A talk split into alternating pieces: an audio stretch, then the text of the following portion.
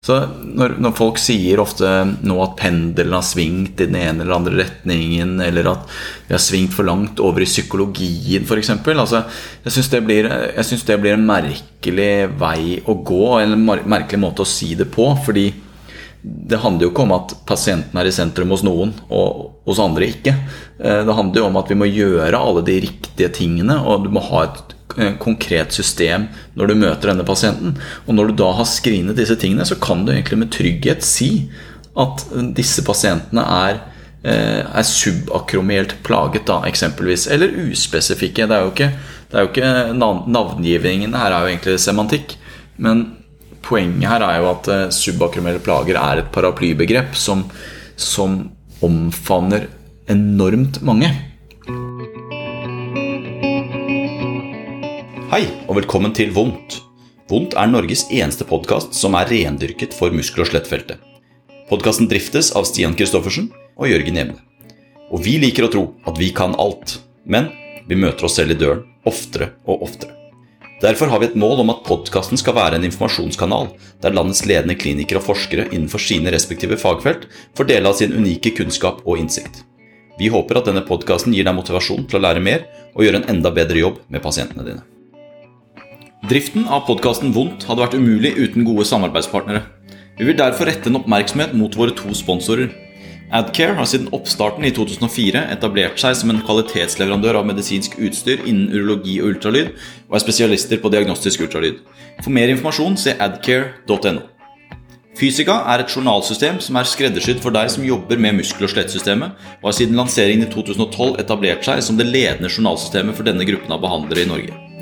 Fysika er optimalisert på en moderne plattform over mange år, med kontinuerlig fokus på og målsetning om å lage det beste journalsystemet for sine kundegrupper. Som kunde har du også alltid fri tilgang til Fysika sin bransjeledende supporttjeneste. Alle klinikere som har forvillet seg en tur innom søkemonitoren PubMed, blir raskt disillusjonert over den absurde mengden forskning som publiseres. Selv om man fokuserer hovedsakelig på ett område, som i mitt og Stians tilfelle er på skulder, er det umulig å pløye gjennom all litteraturen som publiseres. Derfor er det gledelig når det publiseres artikler som gjør litt av denne grovjobben for oss. Og i 2021 ble en slik artikkel publisert. Den het Shoulder Pain Where Are We Now? og ble publisert i tidsskriftet Current Treatment Options in Rheumatology.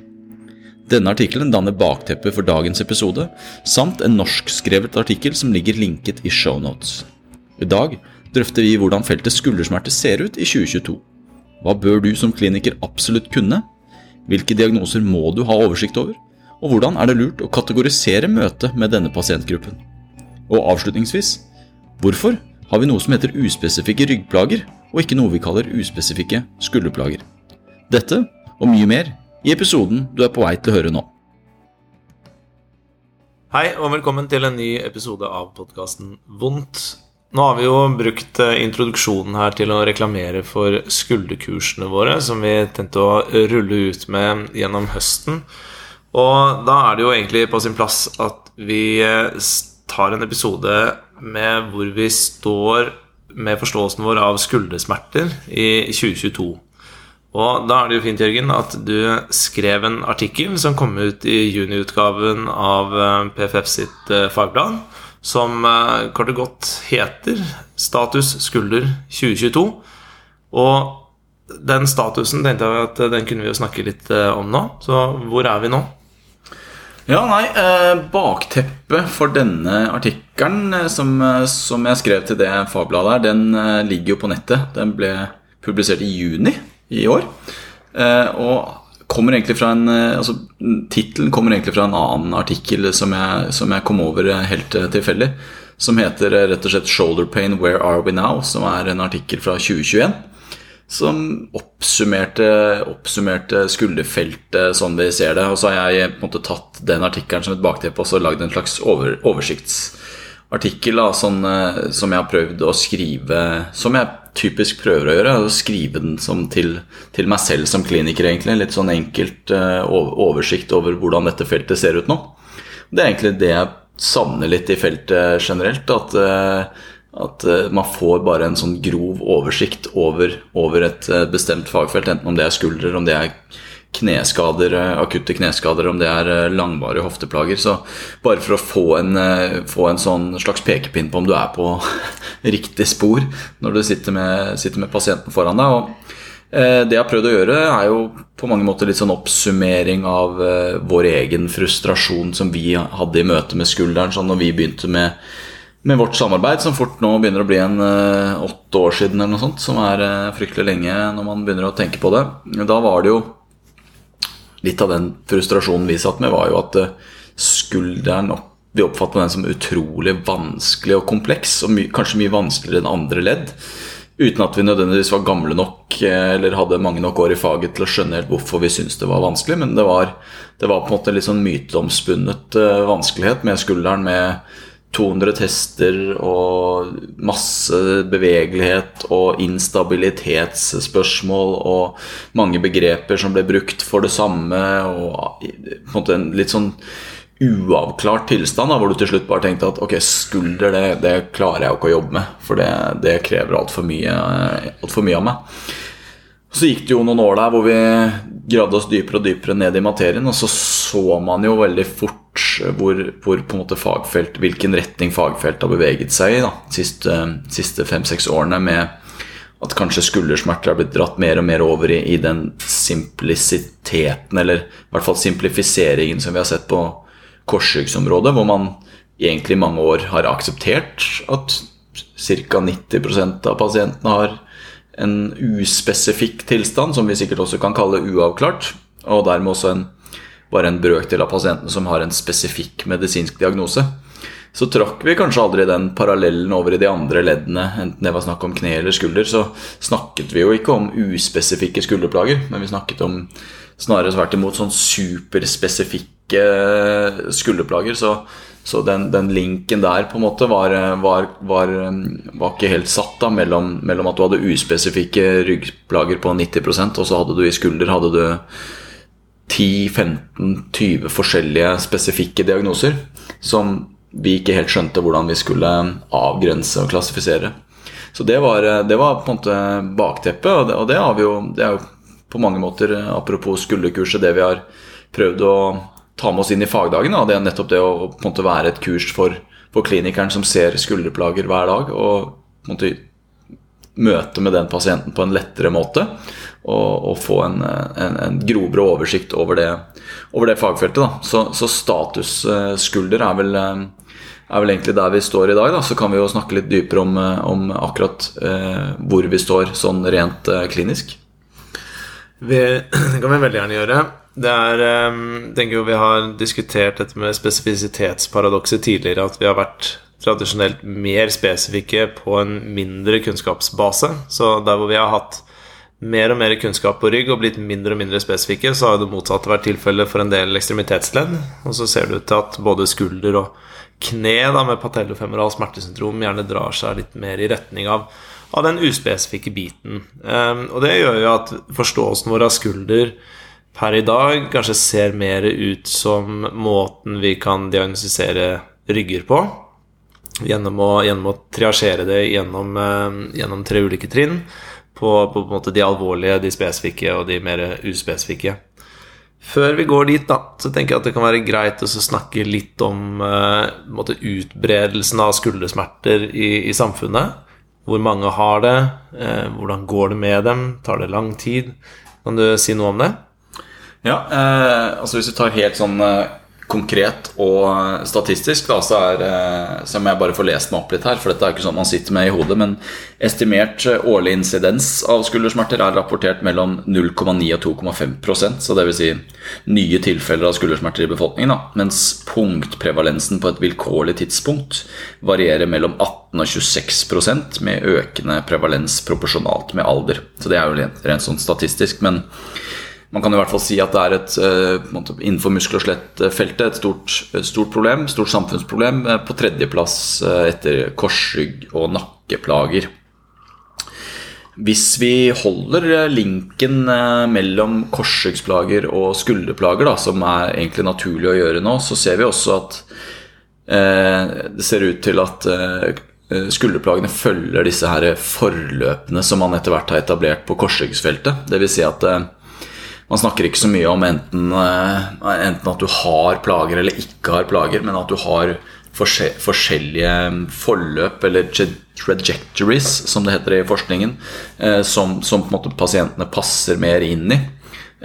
Som kan være veldig, veldig varierende. Noen har noen har høy smerte over lang tid med lite variasjon. Noen har murrende plager over, over kortere perioder eh, som ligger lavt på en VAS-skala. Noen har intimiterende smerter med smertetopper osv. osv. Det er beskrevet eh, åtte-ni forskjellige sånne forløp i korsryggsforskningen.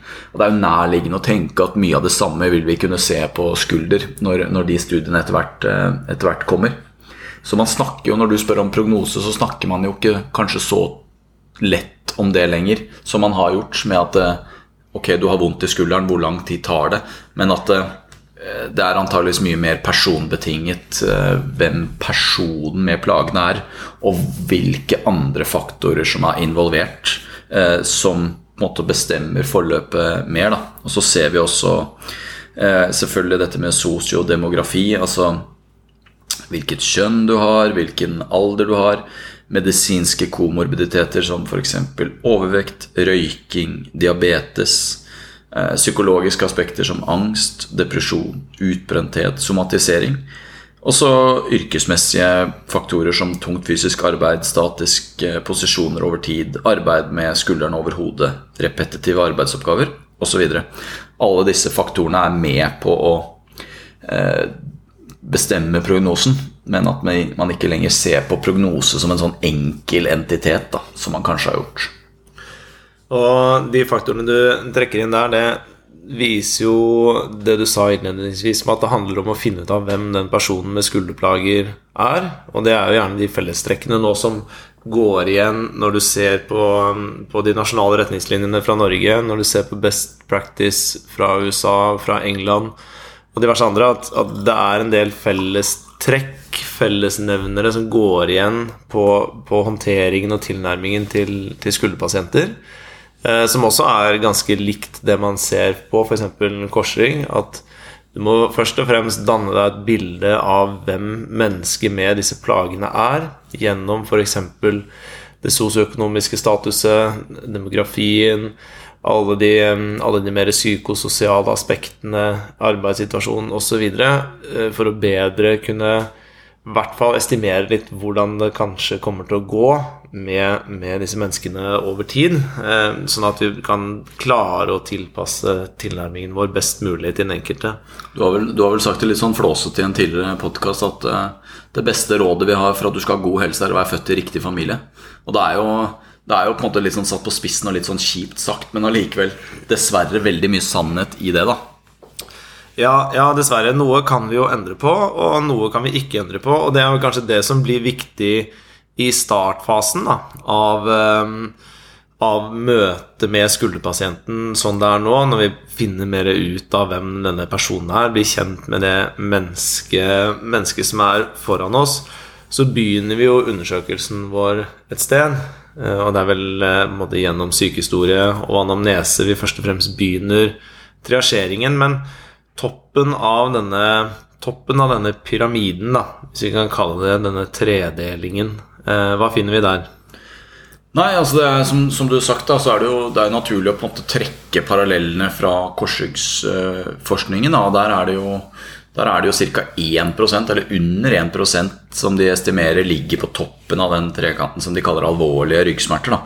Og alvorlig er jo selvfølgelig alt fra livstruende tilstander som eh, aneurisme i aorta liksom, til eh, kreft. Mens du har jo også, du har jo også systemisk inflammasjon, altså type revmatiske sykdommer. Så kan man jo selvfølgelig si at eh, det er en en forskjell på å være revmatisk syk og være livstruende syk. Så, men altså, kall det alvorlige ryggsmerter. Da.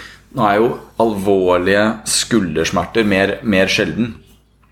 Men det forekommer jo, det forekommer jo kancer i, i, i eh, lungen f.eks. som kan gi skuldersmerter og, og, og, slike ting som selvfølgelig man skal være obs på. Men altså sånn, å trekke trekanten direkte over og si at det er et prosentsats på det, er jo ikke, er ikke så lett. Eh, og det, det, tror jeg ikke det fins noe forskning på som viser noen tall på heller, men bare at man skal på en måte ta den samme tankegangen som man er vant til å bruke på rygg, i ånden av å prøve å forenkle, forenkle møtet med pasienten. Da. Så være klar over at det, det kan være andre ting enn skulder. Da. Så kall det en kategori med ikke-skulder. Og så er det kanskje en, en, mer relevant kategori som heter nakkerelaterte skulderplager, da, hvor, hvor, nakken er åstedet, på en måte, altså, eller årsaken til plagene, og så er, er, er smerten i skulderen. Og det, det kanskje mest nærliggende er jo cervikale skiveprolapser, som fremstår som en skulder, skulderplage. Eh, så det, det, på en måte bør jo danne møte med pasienten når du har tatt sykehistorien, eller du tar sykehistorien, hva, hva slags funn er det i sykehistorien som gjør at du mistenker at dette kan være noe annet. Og eksempelvis i nakken så kan jo det være at nakkebevegelser trigger, forverrer eller, eller eventuelt lindrer nakkeplagene. Nei, skulderplagene, unnskyld. Eksempelvis på det er jo typisk en cervical skiveflaps vil jo ofte si at de har kjempevondt eh, nedover i armen og fra nakken, men gjerne fra skulder og ned i overarmen men at det lindres ganske kraftig når du legger armen bak hodet, eksempelvis. Eh, da tar du jo av stresset på pleksus og, og, og nervene. Og, og, det kan på en måte bare være en sånn indikasjon som du får mens du snakker med pasienten, hvor du allerede danner deg et bilde. da Enig. Og det, jo, det sier jo litt om hvor vi, hvor vi starter undersøkelsen på en skulder. At vi starter den gjerne med nakken.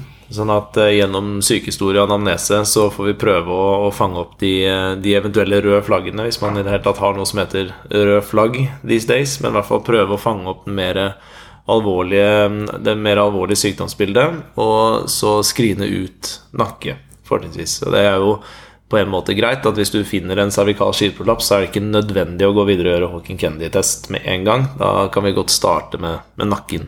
Det er jo litt som du har nevnt på mange av fagdagene våre opp gjennom årene. ikke sant? At eh, før man hadde dette eh, rasjonale og denne algoritmen å jobbe etter, så kunne man liksom kaste seg ut i og hva, hva, var de fem testene jeg måtte gjøre på en skulder? Før man i det hele tatt stilte seg spørsmålet om å se på nakken. Mm. Så det er egentlig det vi snakker om her, er å skape seg et system slik at du ikke overser ting som virkelig ikke er relatert til til dette. Da. For det kunne jo saktens være at du har en positiv Hawking Kennedy, selv om du har en skiveflaps i nakken.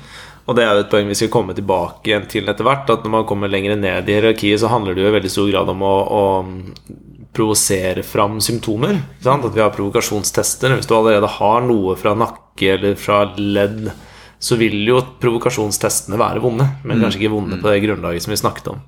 Men før vi kommer dit, så kan man på en måte si at ok, da har vi gjort uh, jobben vår med, med, de mer alvorlige patologiene, med nakken. Så kommer vi videre på det som vi i hvert fall har valgt å klassifisere som de litt mer spesifikke skuldertilstandene.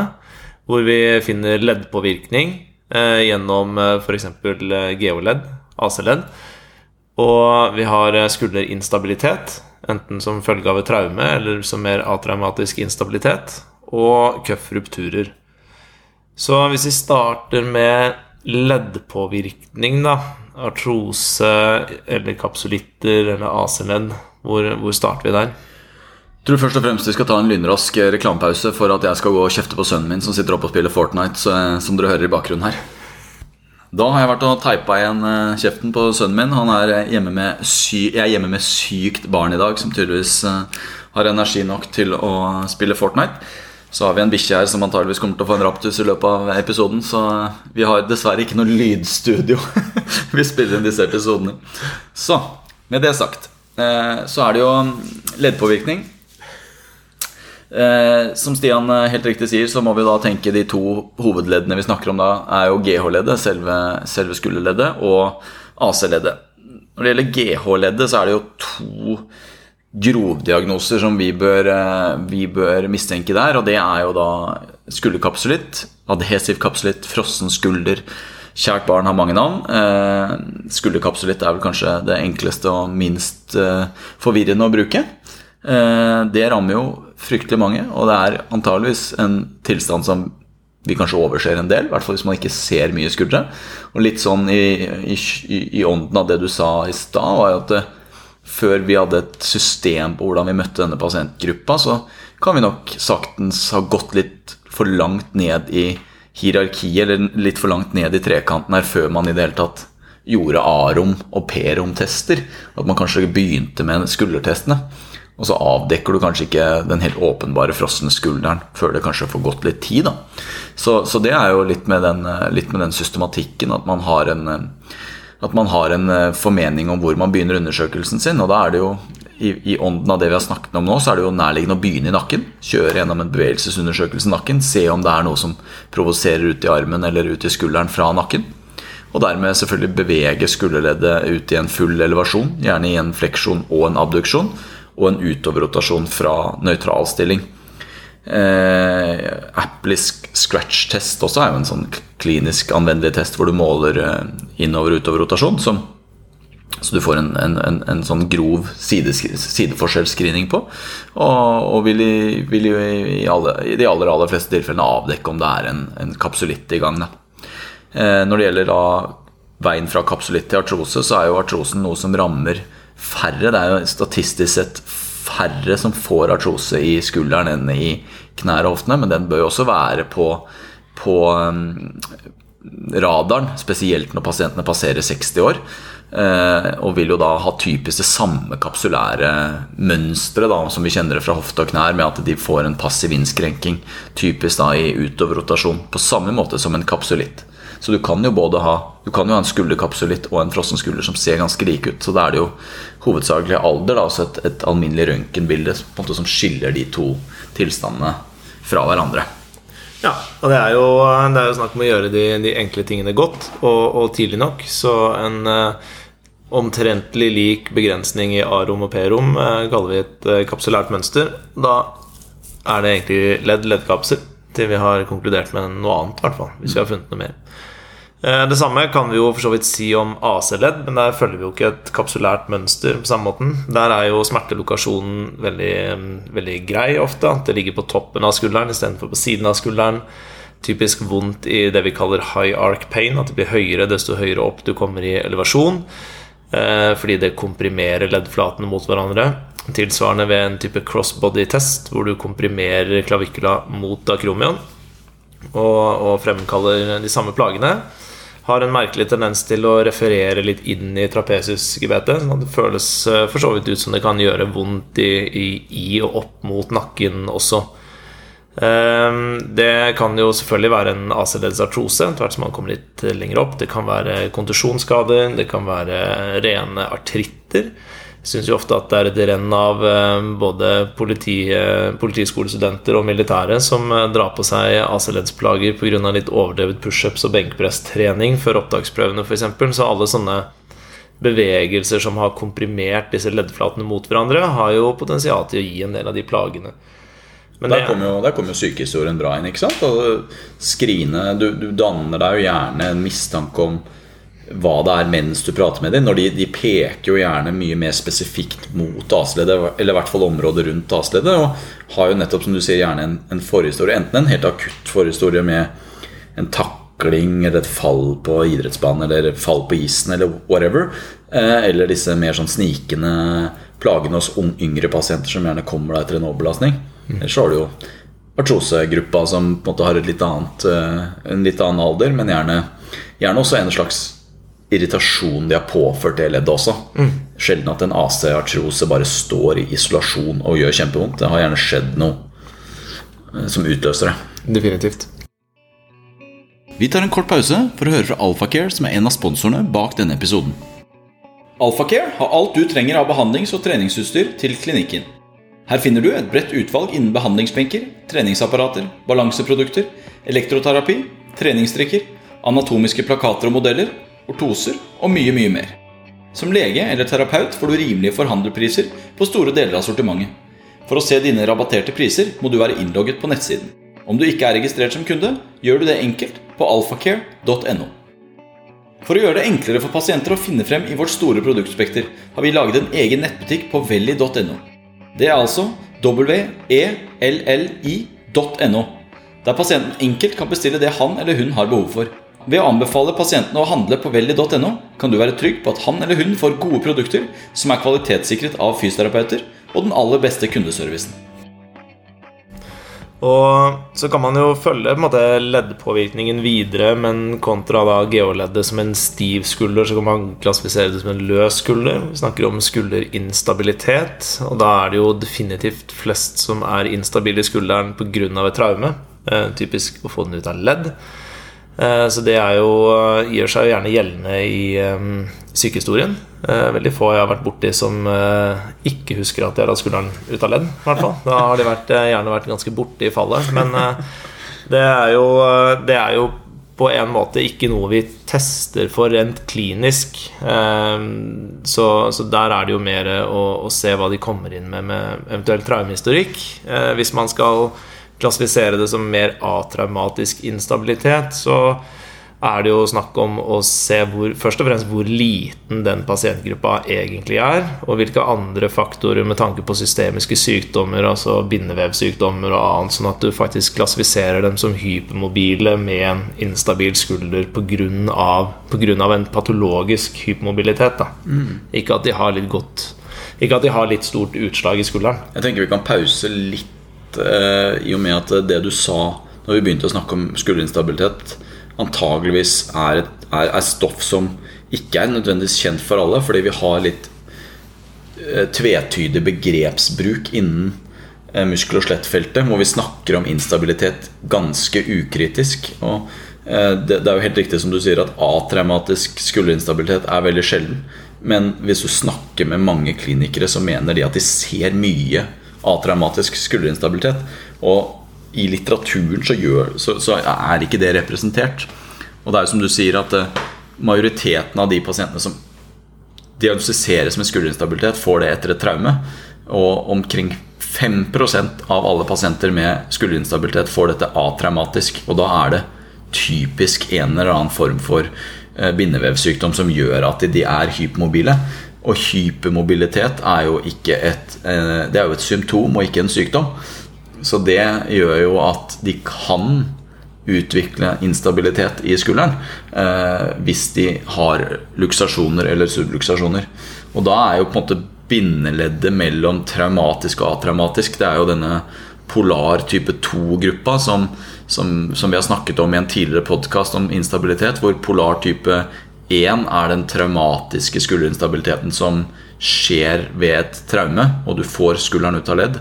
Mens type 2 er en, en mer en atraumatisk eh, hendelse, altså, men med en strukturell skade. Så typisk f.eks. en håndballspiller som har skytt mye over hodet, da, brukt skulderen veldig mye og fått mikroskader, slik at man nå har en MR som viser at han har f.eks. en bankkartskade som er forenlig med en instabilitet, og han har luksasjon eller subluksasjonsepisoder. Da er han en atraumatisk skulderinstabilitet med en strukturell skade. Så har du denne gruppen som du snakker om nå, som er den atraumatiske uten noen strukturell skade. De kan jo utvikle seg til en polar type 2 i noen tilfeller, hvor de da har en strukturell skade. Men det er på en måte bindeleddet mellom de to er jo at polar type 2 har en operasjonsindikasjon i en del tilfeller, mens type 3 har ikke en operasjonsindikasjon.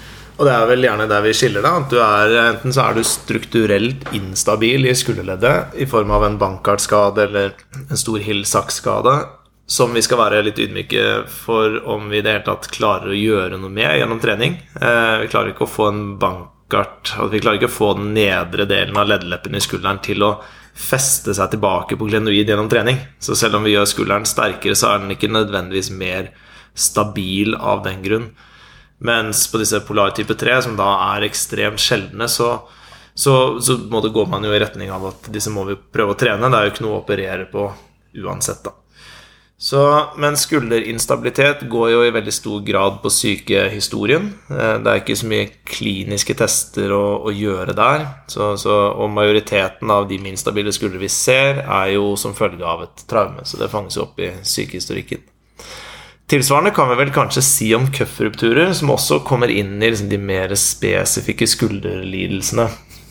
Ja, det er jo altså det, Jeg tenkte jo når vi, når vi, skulle begynne å lage en fagdag, så tenkte jeg at cuffrupturer det må jo bli den mest konkrete delen av hele fagdagen. Og så graver du i det, og så blir du nesten litt sånn sjokkert over hvor mye forskning som viser seg at dette er en litt sånn utydelig del av fagfeltet, dette også. Eh, her er det jo kanskje igjen på litt, litt, den samme måten som instabiliteten viktig å skille mellom traumatiske cuffrupturer og atraumatiske. Og så ta, ta de traumatiske som en en, en, tydelig pasientgruppe som skiller seg fra de atraumatiske. Eh, vi vet jo at atraumatiske køffrupturer øker ganske kraftig med alderen. Og etter 70 år så er det veldig veldig vanlig å gå rundt med en køffruptur. Enten i, i supraspinatus eller flere av scenene i rotatorcuffen. Eh, og Mos Maier har vi jo hatt på podkasten her tidligere eh, som vi har intervjuet. Og han har gjort mange studier som har fulgt opp pasienter med atraumatisk køffruptur over mange år. Eh, sånn at det er, det er, stoff som ligger der ute. Eh, så, det, så her tenker jeg igjen Eh, sykehistorien er viktig. Er det, er det, snakk om et traume hos en ellers frisk eh, mann som faller på skulderen, og, og et bilde viser at han har en cuffruptur, så er det nærliggende å tenke at den er traumatisk betinget. Og den bør jo da håndteres annerledes enn en atraumatisk eh, hos en 65-åring. Helt enig, og det er jo da sykehistorien i form av traume i kombinasjon med noen relativt enkle kliniske tester, som først og fremst går på lag sign, eh, gjerne da i ekstern og intern eh, rotasjon, for å vurdere fremre del og bakre del av rotatorcuffen.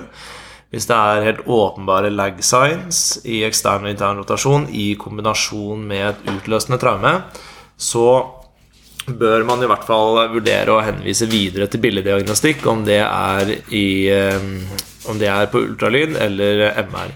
Så vi har jo eh, da beveget oss fra toppen av pyramiden med alvorlig patologi via nakke ned på de mer spesifikke skulderplagene, da i form av leddpåvirkning på geoledd og AC-ledd, på eh, skulderluksasjoner og instabilitet og traumatisk betingede køffrupturer.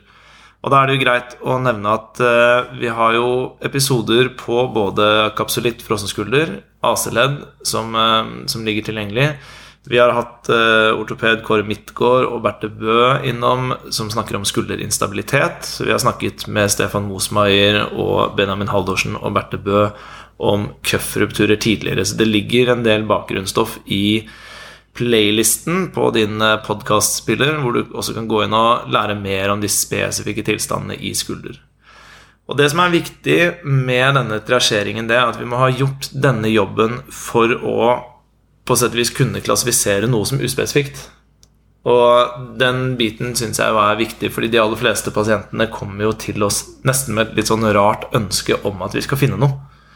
Og det kan være utfordrende som kliniker å stå der og si 'jeg veit ikke'. Og det er egentlig ikke fordi man ikke veit. Det er fordi du ikke veit som kliniker, men, men, vi vet rett og slett ikke helt hva disse subakromielle plagene er, sånn rent strukturelt sett, i mange tilfeller. Men da kan vi jo fremdeles si mye om hva vi vet at man ikke har. Men du har ikke en frossenskulder, du har ikke instabilitet, du har ikke cuffrupturer. Vi har jobbet oss gjennom alle de kjipe, farlige tingene, og det skal man egentlig være glad for. Så når vi har gjort den jobben, da, hvor er det vi står da?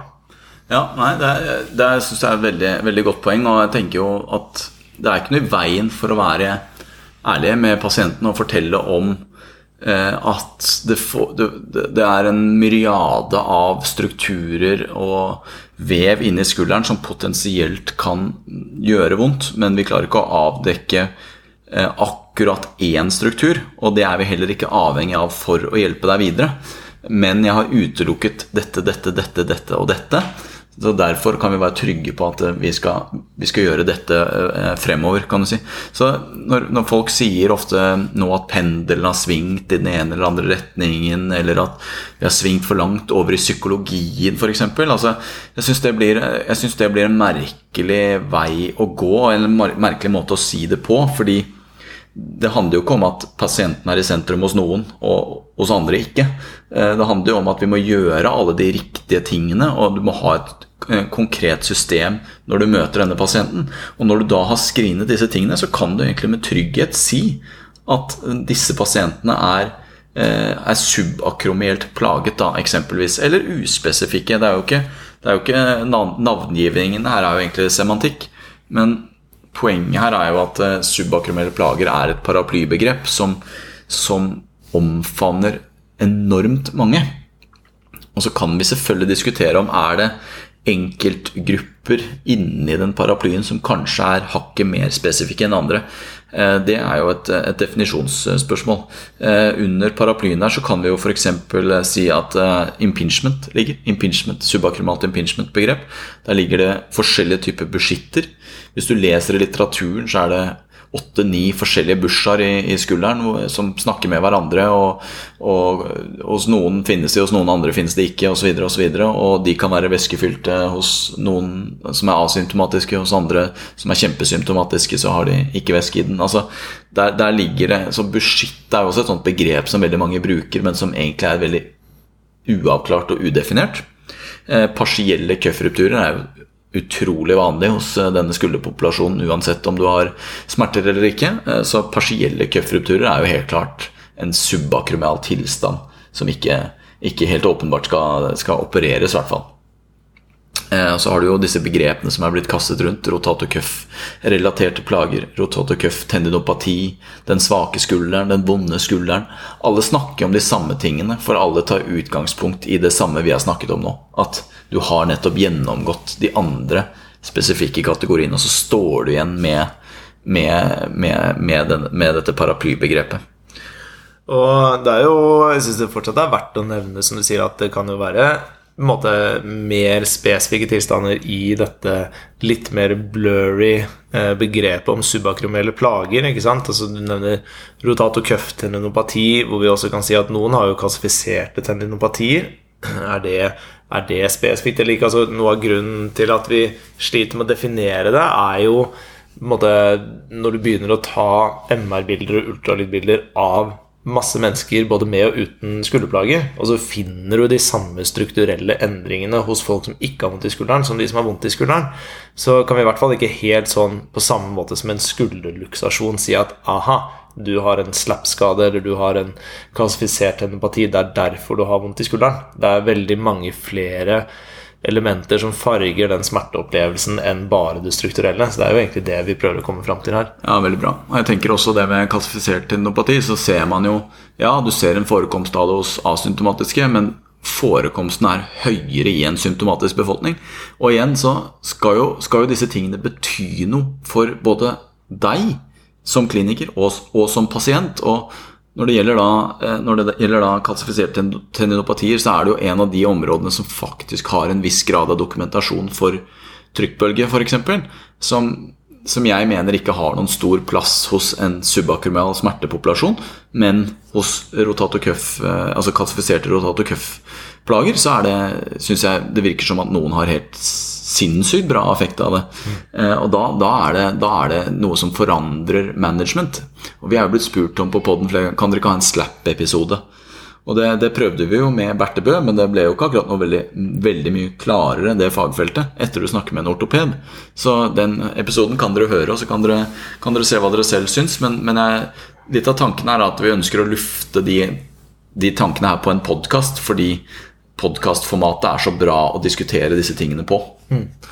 Og så tenker jeg at Når vi da er liksom dypt nedi materien på det rent sånn strukturelle, da, der hvor vi lever og ånder av oppdratt og utlært eh, gjennom, gjennom, utdanningen og profesjonen vår, og så kommer det sånne studier sånn som Chester, Rachel Chester sine studier som har kommet nå som peker måte, i retning av at det er helt andre faktorer som betyr noe for hvordan det faktisk går med pasienter gjennom fysioterapibehandling eh, enn om de har en klassifisert empati eller en partiell køffruptur. At man, man snakker, om, snakker, om, mye mer psykososialt bestemte faktorer, som hvor vondt de har, om de har vondt på én side eller to, om de har hatt operasjoner tidligere, men kanskje viktigst av alt, hvilke forventninger de har til den behandlingen de kommer til. Uh, og det er jo der man begynner å snakke om at uh, ja, nei, men da har den pendelen svingt for langt. Men den, den, den har jo Det er jo ikke en pendel. du, kan jo, du, kan da ha, kan da ha en partiell køffruptur som er påvist på et ultralyd og et MR, og være dritbekymra for hvordan dette kommer til å gå. Og så kan man spørre seg om er det biologisk i større eller mindre grad enn psykologisk. Og ah, hva, hva, som er de sosiale betingelsene her, aner vi jo for så vidt ingenting om. det har vi ikke spurt om i all vår iver etter å finne ut om det er en partiell ruptur eller ikke. Så det er jo en synergi her. Så det blir liksom falsk dikotomi å si at pendelen svinger mellom disse tre domenene. Fordi disse tre domenene pluss, pluss, pluss er det som utgjør det mennesket som sitter foran deg med noen skulder. Det går jo, det går jo en en viss parallell her også med at eh, jeg tror kanskje faggruppene, uansett hvilken du tilhører egentlig innenfor muskel- og skjelettfeltet, er utdannet i et sånt medisinsk syn. Da. Altså med en medisinsk grunnstamme som ikke nødvendigvis passer overens med den psykologiske grunnstammen. Altså nå, nå, kjenner jo ikke jeg detaljene på profesjonsstudiet psykologi, men jeg antar at det ikke er så fryktelig mye diagnostisk triasjering der.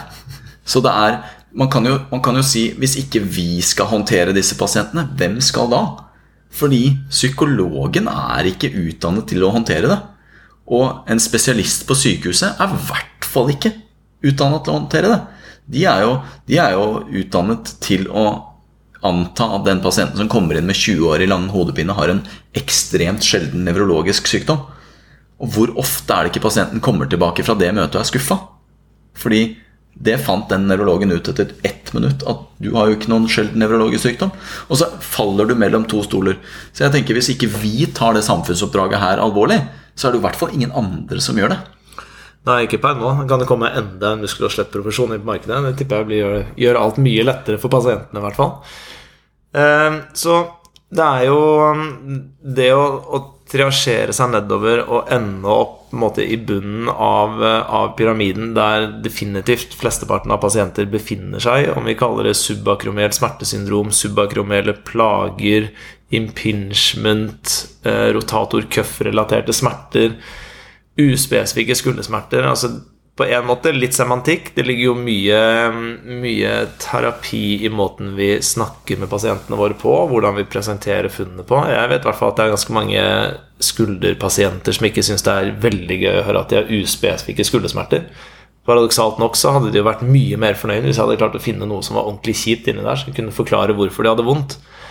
Og det tenker jeg at Der skal man i hvert fall ha et bevisst forhold til hvilke begreper man bruker. Man snakker med folk som har vært mye av kritikken mot impingement-modellen, er jo at måten du kommuniserer plagene på, har en iatrogen effekt, som egentlig gjør at folk kan på en måte få mer bevegelsesangst, da, fordi man tenker at tilstanden blir verre. Og det er jo der vi knytter måte, evidensbasert medisin, altså alt det vi kan, og noe av det vi har snakket om nå, sammen med våre kommunikasjons- og relasjonsferdigheter. Da, mm. Hvor vi mm. faktisk setter det unike mennesket i sentrum. Mm. Du, vi gikk jo, vi snakka jo om det før vi gikk på lufta i dag, dette her med delt beslutningstaking. Og du hadde jo et utrolig godt eksempel da, som jeg tenkte du skulle få lov å ta. Men, men før vi hopper inn i det, så, så er det også litt av den bonusen med vår jobb er jo nett nettopp at vi får lov å sitte ned med pasienten og snakke med dem. Eh, og, og dermed også bli litt kjent. Og relasjonsferdigheter og kommunikasjonsferdigheter er jo også noe som former seg med åra. Og måten du kan diskutere og eksemplifisere ting eh, med pasienten, handler jo også litt om livserfaring. Så du snakket jo om dette eksempelet ditt i stad med, med, med, hvis det kommer en snekker til deg og skal bygge en platting. Eh, så, så, så, så, vet ikke du nok om det til at, til at, det skal bare han fikse. Men hvis han legger det fram at ok, eh, jeg ser at du har valgt det her treverket her. Eh, det kommer til å tørke ut om tre år, og det må beises eh, jevnlig for at det skal vedvare. Du kan velge den pakken her som er litt dyrere. Eh, da er det ikke noe vedlikehold, men den koster deg så og så mye her og nå. Hva vil du gjøre? Så du, du, du, på en måte tas med inn i den reisen, eh, men du anerkjenner jo på en måte ikke at du har eh, Eller du anerkjenner at du ikke har kompetansen på det selv. Men jeg tenker jo igjen den der eksemplifiseringen av eh, delt beslutningstaking innad i klinikken avhenger jo litt av hvem pasienten er. Hvis du tar en pasient som er glad i å eh, se på snooker, liksom. Jeg har en pasient som elsker å se på snooker. Jeg kan jo ikke noen ting om snooker. Så da måtte jeg prøve å sette meg litt inn i det. Det er jo egentlig et veldig fascinerende spill. Og da når vi kan ta med litt av hennes interesser inn i det vi diskuterer om hennes behandlingsvei, så er det mye lettere å komme inn. da Hvis jeg hadde begynt å ta det plattingeksempelet til henne, så hadde hun falt av. Ja, det er jo utfordringen med metaforer og måten du forklarer deg på. Da. Det er jo det er jo en avsender og en mottaker her, så det er jo for så vidt mottaker som avgjør om du har truffet eller ikke. Og det er vel der vi utvikler en god del ferdigheter etter hvert. Jeg blir jo fascinert over hvor mye rart jeg kan av, om veldig mye rart etter å ha snakket med mange pasienter opp igjennom, som gjør det kanskje litt lettere å linke ting inn mot, mot det som treffer, da. Og så man, man, har jo kritisert det her med shared decision making fordi mange ikke vet godt nok. ikke sant? Særlig på mer alvorlig patologi. Skal en, en, kreftpasient få lov til å være med i bestemmelsen av hvordan han eller hun best mulig skal behandles? Jeg vet ikke, men hvis jeg hadde hatt en tilstand, så er jeg ganske sikker på at jeg hadde hatt lyst til å få være med i, i diskusjonen, da, i det minste. Ja, Det er jo litt av poenget i det du sier. ikke sant? Det er jo at du Det er vel nettopp den derre holdt på å si, ovenfra-ned-holdningen som kanskje har vært tradisjonell i, i medisinen. Da. Det er at du, du, du ikke, tas ikke med i reisen, men bare det at du presenteres for hva reisen har å tilby, mm. er jo allerede en del av den delbeslutningsdagen som jeg tenker vi også kan bli flinkere til. da ja, utvilsomt. Og det, for i det hele tatt komme dit i prosessen, så må vi i hvert fall ha blitt kjent med personen foran oss. da, mm. Og tatt inn alle disse tingene. Og det er der jeg syns den, den derre litt sånn populistiske, halvkjipe fremtoningen i en del av diskusjonen i dag med at det virker ikke, det virker ikke. Nå skal vi sitte her og dissekere en behandling i stykker i 30 minutter. Eller jeg skal skrive en pompøs, populistisk artikkel om at hele denne profesjonen er ubrukelig, uh, uten å nyansere det bildet. Det er jo heller ikke noe som er med på delt beslutningstaking. Fordi hos noen så vil nettopp den behandlingen være helt riktig. Selv om den kanskje på uh, hierarkinivå ikke viser seg å være så veldig mye bedre enn mye annet, så, det, så, så, så blir liksom debatten helt feil når vi legger oss på det nivået at uh, jeg tar én ting, og så sitter jeg og leser 40 kilder på det, og så lager jeg en podkast hvor jeg dissekerer det i stykker. Ja, hvor konklusjonen er at det virker ikke. Ikke sant? Altså det er jo, vi, vi er jo, For det første så bringer det er jo ikke nærheten av å bringe faget videre i det hele tatt. Det vil jo i så fall kunne løfte fram eh, noen fallgruver i fagutøvelsen vår, og selvfølgelig peke på noen forbedringspotensialer når det kommer til forskning. Men det å bruke en artikkel eller eh, hvilket den medium du velger å bruke, på egentlig bare konkludere med at et enkelttiltak gjort i et randomisert, kontrollert studie ikke virker, har veldig liten klinisk verdi. Um, fordi jeg tror du kan si man snakker om spinal manipulasjon på skuldre. Du vil jo aldri kunne finne et studie som sier at det virker. Men så vil du ha en god del klinikere som sier at jo, jo, det virker kjempebra. Og du vil helt sikkert finne masse pasienter som sier at jo, jo, det virket kjempebra. Og så om det påvirket på den måten man trodde at tiltak skulle påvirke eller ikke, det vil vi jo egentlig aldri få svar på. Vi vil ikke kunne forske på det eller kontrollere nok for det, men det å bare konkludere med at noe ikke virker, basert på den forståelsen vi har av skuldre og kropp, for så vidt, eh, og pasientbehandling per i dag, det gir jo veldig lite.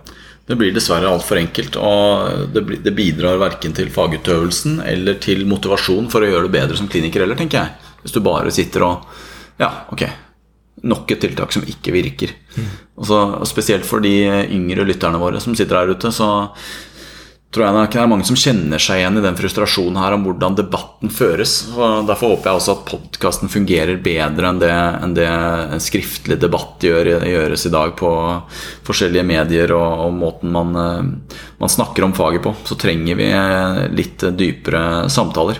I hvert fall som det ser ut nå, så kan du jo dissekere alle tiltak når det kommer til muskel- og skjelettplager. Det er ingenting som virker.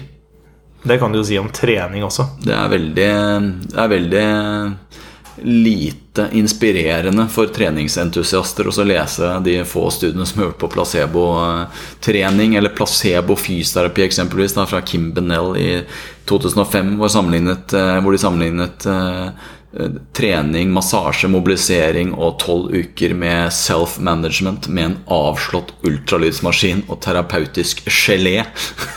og fant ingen forskjell i gruppene. Det er rart at ikke den studien dukket opp på referanselisten på fysioterapiutdanningen i 2005. Det er veldig pussig. Ja. Så jeg tror i hvert fall man skal eh, se på disse behandlingstiltakene med en god dose ydmykhet. Og da har vi jo egentlig beveget oss over fra hvordan vi kan klassifisere og forstå um, skulderplager anno 2022, og litt over i hvordan er det vi skal behandle skulderplager, som vi forstår dem anno 2022. Ja, altså det, Da, da er, ligger det jo på en måte i sakens natur her at behandlingen egentlig faller tilbake på triasjeringen. At eh, er du god i triasjeringen, så skal ting behandles spesifikt der det kan. Eh, det vil si en eh, skulderkapsulitt f.eks. har en god evidens for å få en kortisoninjeksjon. Traumatisk skulderinstabilitet hos en førstegangsluksatør eh, som 18-åring eh, har skyhøy reluksasjonsrate. Og har en syv ganger større sjanse for å reluksere hvis de ikke opererer. Det er stoff som ligger der ute, og som absolutt bør farge måten vi håndterer, eller måten vi møter disse pasientene på. Eh, så triasjeringen bestemmer i stor grad hvordan vi hvordan vi behandler. Og så sitter du da, da igjen med en stor eh, pose med pasienter i bunnen av trekanten her, som har helt andre et helt annet rammeverk rundt behandling, vil jeg si. At der er vi egentlig Kan vi omfavne den uspesifisiteten mye mer enn det vi kanskje tradisjonelt har tenkt at vi kan og bør. Og i hvert fall i fysioterapifaget så hyller vi jo alle, alle publikasjoner som sier noe om, eh, om, trening som medisin, og at eh, Det er en liten pause der. Eller? Vi hyller jo alle, alle artikler som eh, peker seg ut med trening som medisin, eh, hvor trening utkonkurrerer eller gjør det like bra som kirurgi og placebokirurgi. Eh, og så tar vi jo sjelden regnestykket på at hvis f.eks. skjermkirurgi og kirurgi har like god effekt, og begge deler har like god effekt som trening, så er jo for ikke trening noe bedre enn skjermkirurgi heller. Så vi skal jo måtte passe oss litt for å løfte fram trening som sånn overlegent mye bedre enn noe annet når det kommer til håndteringen av skulderplager. Men det er jo fortsatt det som peker seg ut som det beste, mest kostnadseffektive valget, med flest positive bivirkninger og færrest negative bivirkninger. Men når man begynner å forske eller se på forskningen som har sett på ulike metoder og protokoller, så blir man ikke akkurat noe klokere på hva slags trening disse pasientene skal gjøre. Nei, vi har, jo, vi har, jo, både en episode som heter 'Inkompatibel trening', og så har vi en episode som heter 'Umulige treningsprotokoller', hvor vi har gravd i dette her. Og hvis du er interessert i akkurat dette med uspesifisitet, eller uspesifikke plager, så har vi en episode nå som, som vi skal omfavne akkurat uspesifisiteten. Så nå har vi snakket i straks en time, så da tenker jeg vi skal jo egentlig komme til en, en form for konklusjon her også på, på, på dette, og da, da, da er vel hovedkonklusjonen her er jo at eh, vi skal jo fortsette å kunne faget godt. Det betyr ikke at vi vil ha slutt på å snakke om pendler, egentlig. Mm. For det, det finnes ikke noen pendel.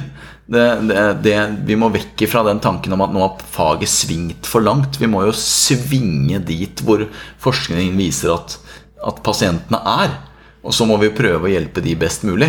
Og, eh, og, og da må vi også vekke fra, fra, den debatten 'dette virker, dette virker ikke', og heller se hva er det som kreves for at denne pasienten kan få hjelp av deg, eller eventuelt noen andre.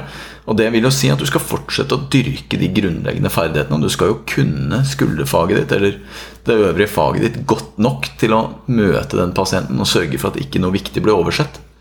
Og så, og så deretter så kommer jo denne diskusjonen her med hvordan skal vi egentlig omfavne denne uspesifisiteten. Jeg er helt enig. Det er um, vanskelig å argumentere mot at du skal kunne det grunnleggende godt nok.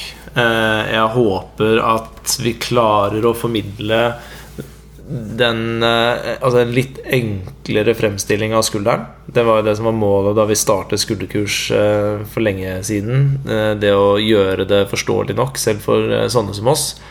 Og at målet var derfra ut egentlig har vært å, å prøve å få formidlet det ut til, til folk. Og skuldre anno 2022, sånn jeg opplever det, er jo egentlig ganske enkelt å forstå gjennom en triasjering. Eh, og det å ende opp i noe som sannsynligvis er mer uspesifikt med tanke på strukturelle tilstander og behandlingsformer enn det vi har tenkt tidligere, som åpner opp en veldig stor verden når det kommer til å utforske ulike tiltak, hva som resonnerer best med den pasienten du har foran deg, hvilke treningsmetoder som passer best. Egentlig veldig mange av de faktorene som vi også tok opp i episoden 'Trening med mening'. Så vi kan vel Back in the day. Back in the day.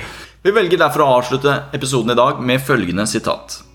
Skulderpasienten behøver i de fleste tilfellene en enklere, pasientsentrert og individualisert tilnærming som vektlegger demedikalisering, selvhjelpsstrategier og håndtering i et biopsykososialt perspektiv. Disse strategiene er allment akseptert som beste praksis innenfor andre langvarige og uspesifikke muskel- og skjelettilstander, som f.eks. nakke- og korsryggsplager. Og det er ingen grunn til at skulderleddet skal behandles på en annen måte. Og med det så sier vi tusen takk for i dag, og på gjensyn.